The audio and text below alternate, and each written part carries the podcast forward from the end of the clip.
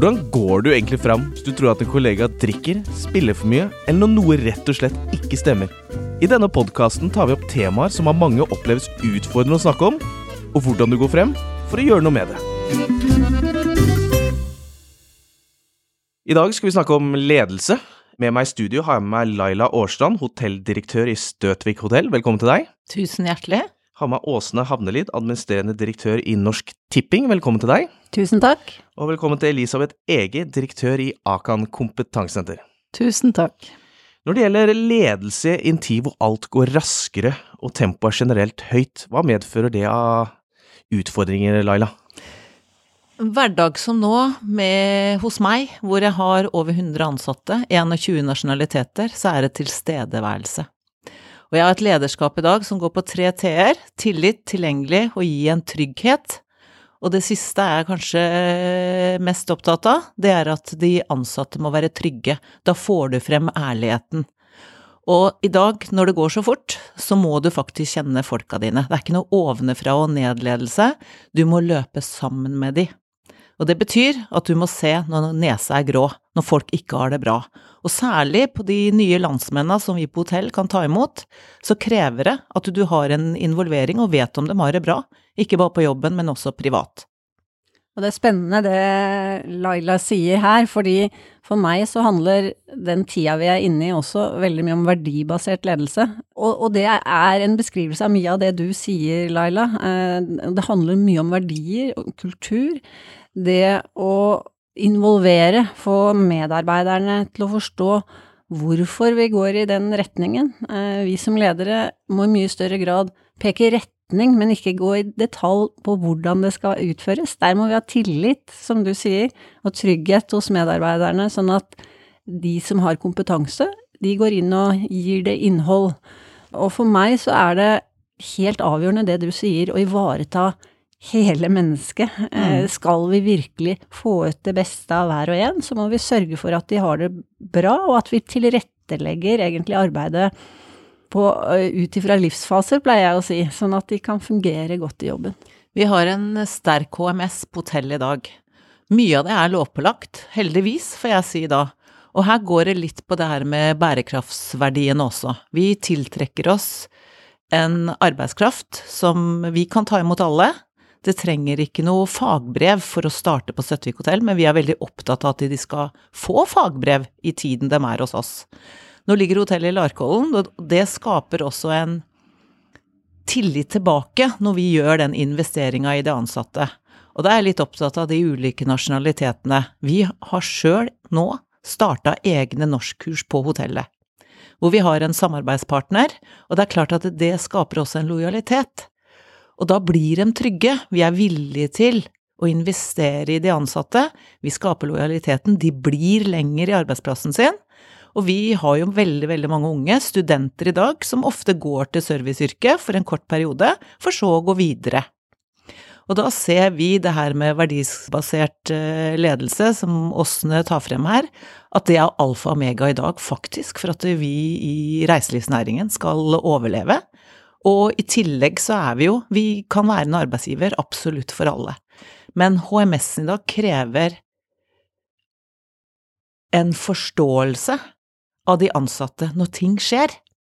Og når man begynner å involvere dem i HMS-arbeidet konkret i hverdagen, så gir det en forståelse for, og ikke minst at de, de blir stolt av arbeidsplassen sin, og igjen så skaper det den tilliten til arbeidsplassen sin, og åpenheten. Og da er det mye oftere, syns jeg som leder i dag, enn bare for ti år siden, at du får de som faktisk har utfordringer, inn på kontoret. De kommer, ofte frivillig. Det er ikke noen andre som har bedt de komme.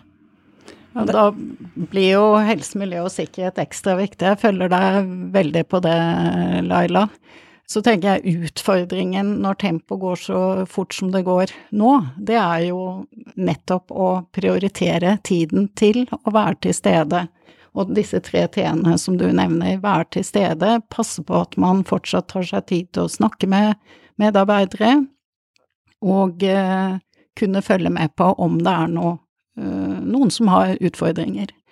Og vi, vi i Akan-arbeidssammenheng, da, dette er jo en Akan-pod, så, så, er det helt klart det å ha ledere som dere to da representerer, sånn som dere sier det, som er synlige, som er til stede, kjenner medarbeiderne og bruker tid på det, så er det også så mye lettere å se når det er endringer som trenger en liten forklaring, og hvor det kan være fornuftig å ta en prat.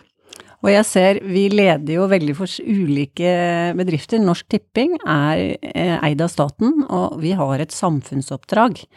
Og nummer én er at vi skal er ansvarlighet. At de som ønsker å spille spill, de skal gjøre det i trygge rammer. Og så må vi samtidig sørge for at vi har attraktive spill, sånn at de velger egentlig å spille inn i trygge rammer istedenfor eh, hos utenlandske aktører som ikke har det i fokus. Og så går, er biproduktet, som jeg pleier å si, at alle Alt overskuddet går tilbake til samfunnet. Går til frivilligheten, eh, til idrett, humanitære organisasjoner og, og kultur. Og Samtidig så er vi egentlig vi er en teknologibedrift, eh, langt framme når det gjelder digitalisering.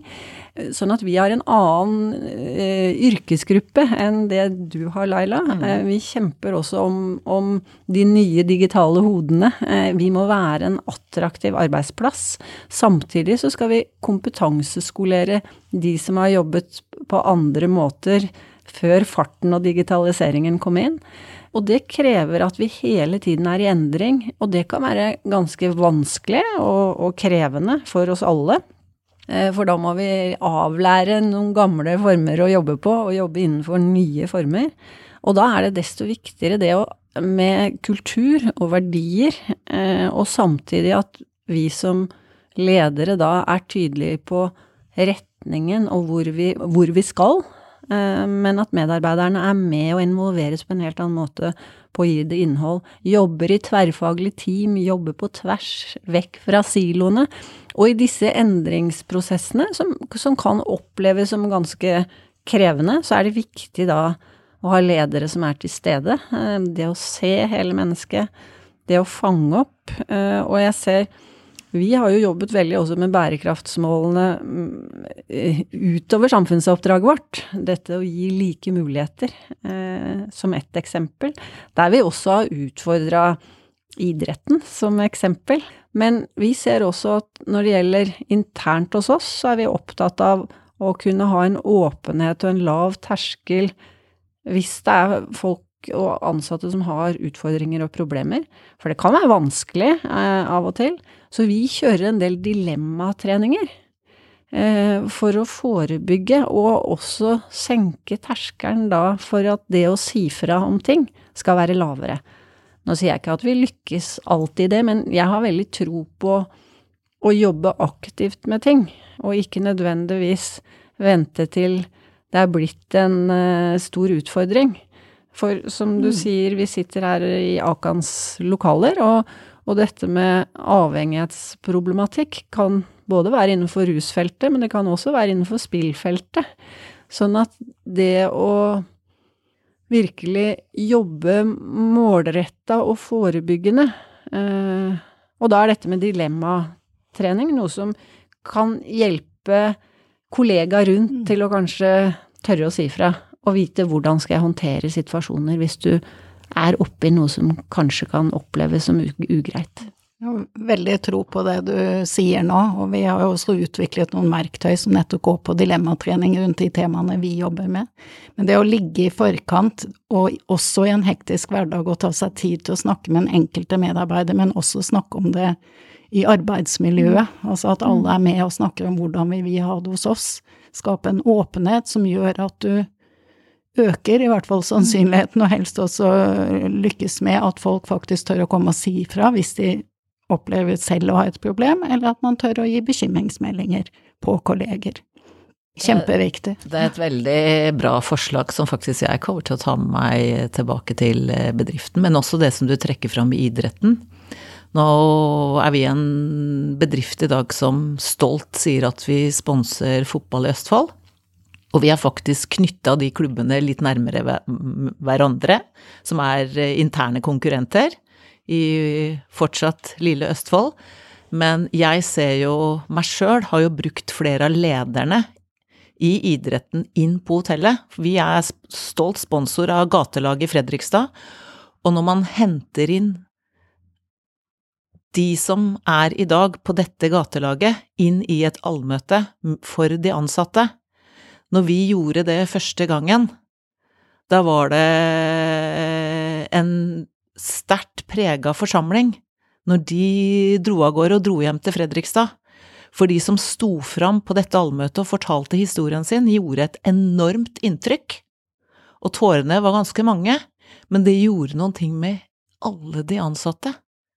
Hva, hva, hva, er det de forteller, og de er stolt av hverdagen sin i dag, og hvordan de har kommet tilbake, og hva fotballen har gjort med de, og da ser jeg også hva faktisk det gjorde med oss ansatte på Støttvik hotell.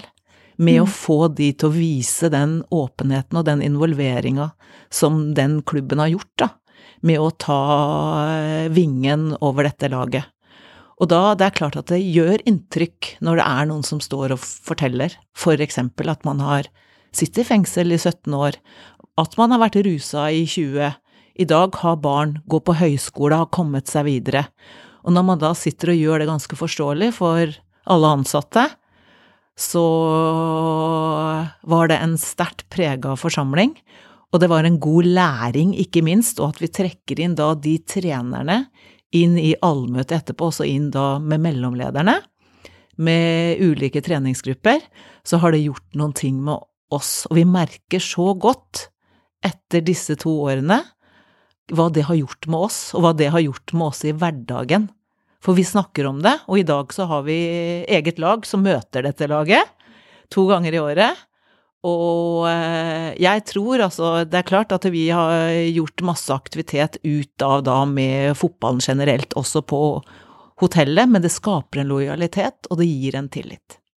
Og det å bruke eksempler sånn er viktig. I Norsk Tipping så har vi jo vi har jo store seminarer eh, som ikke bare er mm. internt, men eh, vi hadde et spillvettseminar eh, for noen uker siden. Og nettopp det å trekke inn også personer som tør å stå fram og si at jeg har hatt et problem og vært spillavhengig, f.eks., og, og kan fortelle hvordan man har kommet seg ut av det. Og vi bruker det også internt for å, for å kunne forstå og også forebygge for egne ansatte. Men vi har jo også et samfunnsansvar utover våre egne ansatte, som vi tar veldig alvorlig. Og, og, og jobber mye med at vi skal være verdensledende innenfor ansvarlighet. Og det innebærer noe, og da må vi også leve etter det mm. internt. Mm. For den vanskeligste oppgaven for reiselivsnæringen i dag er at vi har veldig mange ulike nasjonaliteter, og vi må ha gode eksempler, de må se det live, for da får de forståelsen. Mm. Fordi at svært mange i dag har dårlig forståelse for engelsk, mm. og da må man snakke språk de skjønner. Og det når man gjør en eh, aktivitet i rent live, så gir det inntrykk på alle. Mm. Ja, jeg tenker, dette er jo sosial bærekraftsarbeid både for de ansatte og for uh, de gatelaget. Mm. Åsne, hva gjør dere konkret på deres arbeidsplass for å forebygge rus- og avhengighetsproblematikk? Altså, vi har jo konkrete uh, formelle ting, som Akan-utvalg, uh, alle disse tingene her, men, men det som kanskje er det viktigste, er nettopp det å kjøre god informasjon, altså både at vi bruker jevnlig våre intranettsider til å få ut faktainformasjon, hvor, hvor du kan ta kontakt hvis det er ting som skjer, men kanskje aller mest dilemmatreningen og forebyggende der. For det er vanskelig, eh, og det er dilemmaer du står i hvis du opplever at en kollega kanskje Du lurer på om vedkommende kanskje trenger noe hjelp, om ikke alt er som det skal. Skal du ta kontakt med vedkommende, eller skal du uh, gå til lederen? Altså sånn at du lager systemer så man vet hvor man kan henvende seg. Og også det å få fram at hvis det er noen som sier fra, så er det faktisk fordi de bryr seg, uh, og bryr seg om. Uh, men jeg tror vi, vi alle kan si det at dette er et arbeid som må pågå kontinuerlig. Og det er ikke noe fasitsvar på det. Og det kan være vanskelig og litt tabubelagt å, å gå inn i, sånn at uh, her må vi bare jobbe målretta videre. Men jeg tror på trening og diskusjon og forebygging. Uh, Pluss at man finner løsninger for folk rent praktisk i ulike livsfaser, sånn at de som kan ha problem en periode, opplever at de ikke blir støtt ut i kulda, men faktisk har hjelpeapparat rundt seg, og at man kan få komme inn i jobben igjen, eller være delvis på jobb i perioder som man har problemer. Så der er vi opptatt av å ha et, et godt støtteapparat rundt hvis noe skjer. Sånn at den ansatte skal oppleve at tillit til arbeidsplassen, og her er det en arbeidsgiver som ønsker å hjelpe meg og få meg på beina igjen. Det ligger mye god forebygging i det også, ved at nettopp de ansatte ser at de som skulle komme i vanskelige situasjoner, blir ivaretatt. Det er en viktig forebygging i seg selv, pleier vi å si. Eller så sier vi ofte det er to hovedutfordringer knyttet til dette temaet i norsk arbeidsliv. Det ene er at man ja, har det systemer i orden og ting er på plass på papiret eller på mm. PC-en, men så glemmer man å snakke om det. Og det mm. hører jeg jo at dere, dere, gjør, så det er jo kjempeviktig det at alle vet at dette er det som gjelder hos oss. Og det andre er at ledere ikke tar praten, eller tar det vi mm. kaller den nødvendige samtalen tidlig nok. Man drøyer det og drøyer det, og da det er fullt forståelig, for det er som du sier, det er ikke det, det enkleste en leder gjør, men, men, det finnes metoder å gjøre det på, og, det å trene for eksempel på hverandre eller i en eller annen sammenheng, kjempesmart. Og det å ta den praten jo før jo heller, gjør det jo selvsagt mye lettere for den som eventuelt har et problem, å få til en endring. Hva tenker du om dette, Laila? Nei, det er som eh, Åsne sier, at uh, hyppig aktivitet internt i bedriften er veldig viktig, og den eh, åpenheten, og at man må legge en daglig ledelse, tenker jeg. Jeg er en bedrift med også et antall mellomledere. Og i dag så er en tilstedeværelse, det her med å fange opp signaler, som er eh, ofte viktig. Og så er det denne her medarbeidersamtalen er jeg litt opptatt av, utviklingssamtalen. Det kan ikke være som i gamle dager at den er liksom én gang i året. Den må faktisk være en løpende utviklingssamtale, eller en samtale. En medsamtale med medarbeideren. Kanskje annenhver måned. Jeg ser at det har stor virkning hos oss. At vi, jeg sier ofte i dag at vi skal ikke ha disse her stolpemøtene, vi har et hotell med mange stolper. Så vi står og tar den tominutteren. Men å ta det her pulsmøtet, at vi tar litt temperaturen. Hvordan har vi det? Har vi det bra? Hvis butikken går så det griner, så bør vi ikke snakke om det. Og vi bør ikke snakke om det så mye på Søtvik hotell. Det er et veldig bra team, det går veldig bra, men da er jeg mer opptatt av åssen har vi det? Og ofte da når man er til stede, så får man eh, bekrefta det i ulike aktiviteter. Og særlig da når man også gjør sosiale arenaer i arbeidstid og utenfor arbeidstid, og vi bruker mye trening. Vi kvalifiserer ulike avdelinger og heier på hverandre, og da ser man ofte hvem er det som ikke deltar, og hvorfor deltar det ikke. Det er ofte sånn vi fanger opp hvis det er noe som vi bør bry oss litt ekstra om. Og det er jo lagt da til mellomlederne. Men da sier jeg igjen, altså, vi er ikke så mange, det er et lite hotell på bygda, og det er ofte ting som blir veldig transparent. Og der igjen kommer vi tilbake til den åpne ledelsen, at det skal være transparent. Det skal være, eh, som også eieren sier, det er de ansatte som er prio, så kommer gjestene, og da er jo alle happy, ikke sant, for da blir eieren happy òg. Men det er det derre ekstra innsatsen på de ansatte i hverdagen, og det er hverdagen som teller. Du må vite faktisk hva som skjer i dag. Og da er det litt det her at vi kan ikke snakke om Akan én gang i året, vi må snakke om det hyppig. Og så må vi også få bort det at det veldig mange snakker om rus, det er ikke det som er den største utfordringen lenger, ikke i det hele tatt, selv om jeg representerer en bransje med alkohol, for eksempel. Elisabeth? Ja, Akan kompetansesenter. Vi kunne jo tenkt Skomakerens barn her, men vi har jo en alkoholkultur hos oss selv også. Og, og, vi har da et skriftlig dokument, en policy som vi kaller det, hvor det står hvordan vi ønsker å ha det hos oss. Hva skal skje om noen bryter den rammen, og hvem har da ansvar? Jo, vi som har personalansvar. Det vi gjør, er jo at vi jevnlig henter det fram, og så diskuterer vi litt. Ja, hvordan er Tolker vi dette her likt, det som står på papiret? Kjenner vi oss igjen i det som er beskrevet? Stemmer kart og terreng, for å bruke et sånt uttrykk? Og så vurderer vi om vi eventuelt skal gjøre noen justeringer. Så det, det er det, det, vi gjør. Og så er jo jeg så heldig Det er stor forskjell på å lede Norsk Tipping, Støtvik hotell og Akan kompetansesenter med 15 medarbeidere i tillegg til meg selv. Og det, det, betyr jo at jeg er i en heldig situasjon og ser folk ganske mye, for vi er alle samlet på samme sted. Vi snakker Vi har alle ikke noen språkutfordringer. Men min hovedutfordring er jo Det kan høres feil ut, men en av hovedutfordringene knyttet til det med med alkohol for eksempel, er jo at halvparten av oss er til enhver tid på reise. Og det er i seg selv en risikofaktor, så det er et godt argument for oss også til å ha en, en policy. Men det å se folk, følge med og, og, se om det ser ut som de har det bra, og, og sette seg ned, komme inn på kontoret og spørre hvordan går det, som du sier, Laila. Og jeg tror også det dere begge sier, det å ha tett kontakt med Altså at mellomlederne og lederne har jevnlige samtaler. Jeg tror heller ikke på en gang i året. Eh, vi har altså både formelle hvert kvartal, men også jeg er veldig opptatt av at du må gi tilbakemeldinger i hverdagen. Det må bli en del av kulturen. vi er jo såpass mange ansatte, da, totalt eh, sett, så om jeg vet hvem alle er, så klarer jeg ikke å se helheten, men jeg har gode mellomledere som gjør det.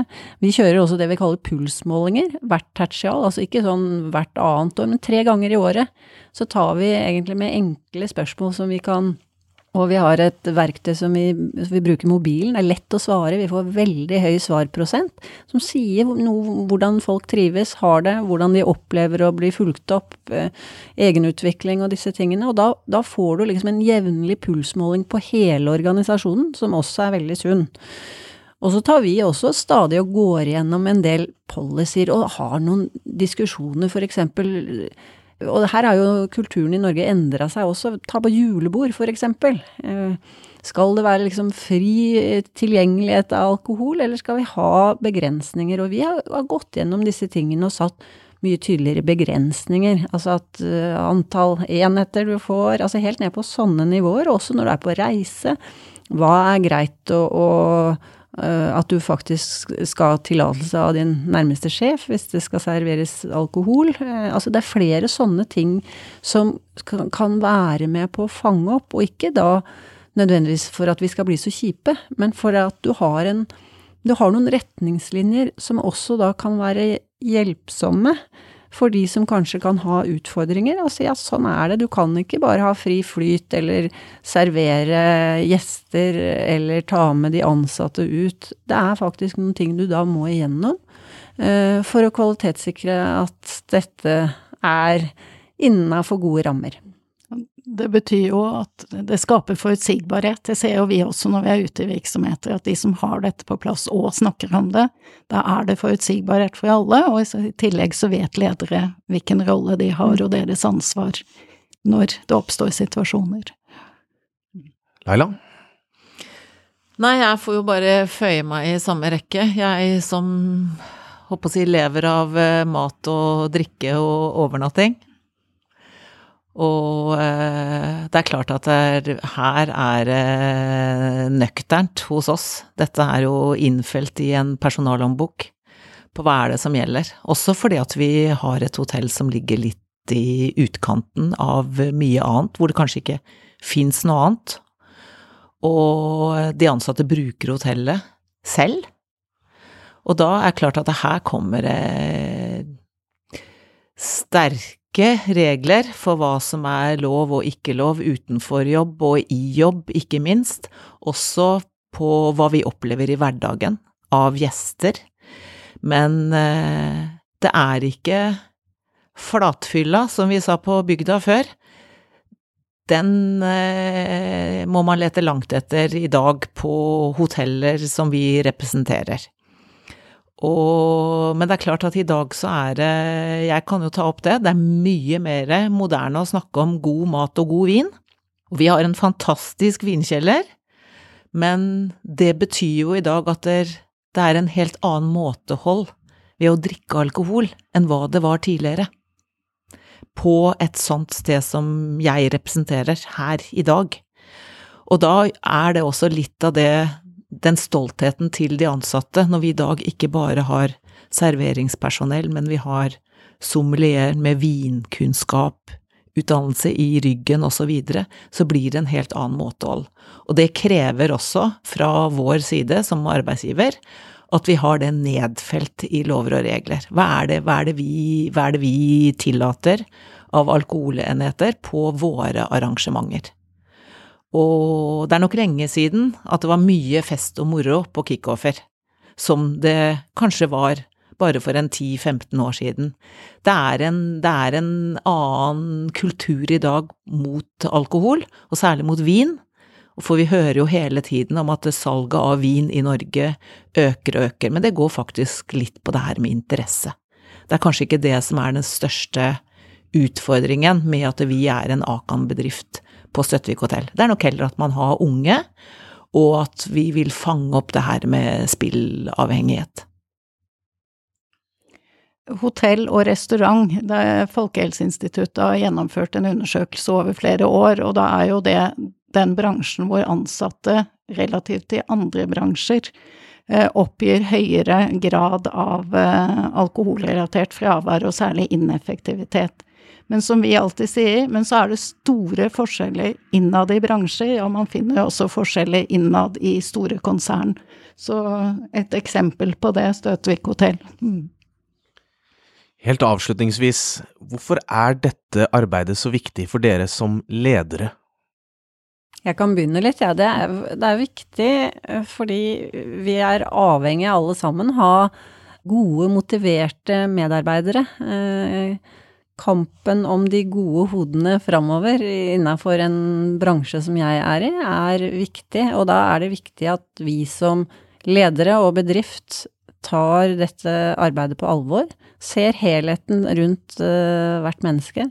Og, og, det at vi har egentlig et sosialt ansvar uh, som ledere, og sørge for at når folk ikke har det bra, at vi klarer å fange det opp og har et støtteapparat som kan ivareta det, og få de godt tilbake igjen i samfunnet. Det er en mye større åpenhet i dag enn hva det var kanskje før. At vi på grunn av nett, ikke minst, og informasjon, og at ting går raskere enn tidligere. Ergo så stilles det krav til et, eh, et, lederskap i endringsledelse, som jeg sier hele tiden. Og det er at eh, jeg ser jo selv som er leder for en bedrift som åpna om en uke for seks år siden. Vi har stor endring på mange avdelinger, og det krever jo at du skal ha folka til å løpe i takt. Og det må gjøres 24-7 når vi har en treskiftsordning på arbeidsplassen, ergo mange ansatte. Og det gjør at åpenheten er et større krav til i dag enn tidligere. Og derfor så fanger man også opp avvikene i dag, tror jeg, oftere enn før. Fordi at åpenheten er der, og tilgjengeligheten med informasjon også er til stede, enn hva vi måtte kanskje lese oss til før i bøker. Det har vi tilgjengelig hjemme i sofaen på en iPhone. Også ikke minst at i dag så er det gjort veldig transparent. Hvis du har avvik, så blir det raskt åpent av sosiale medier. For meg handler det jo i bunn og grunn om at å jobbe eller å forebygge og håndtere rusavhengighetsproblematikk har mye med hvilket arbeidsmiljø vi har, altså hvordan skal vi ha det sammen på jobb. Og det å ha holdninger og kultur som fremmer helsen til ansatte, hvor vi ser hverandre, som vi nå har snakket om i flere omganger, snakker med hverandre, og hvor vi vet at vi er opptatt av å ivareta hverandre. Det skaper til syvende og sist også bedre resultater. Da vil jeg takke alle sammen for at de kom i studio. Takk for at du lytta til podkasten. Husk å abonnere, så får du neste episode direkte inn på mobilen din. Ønsker du mer informasjon om hva du kan gjøre, så finner du det på akan.no. Er du bekymra? Ta praten.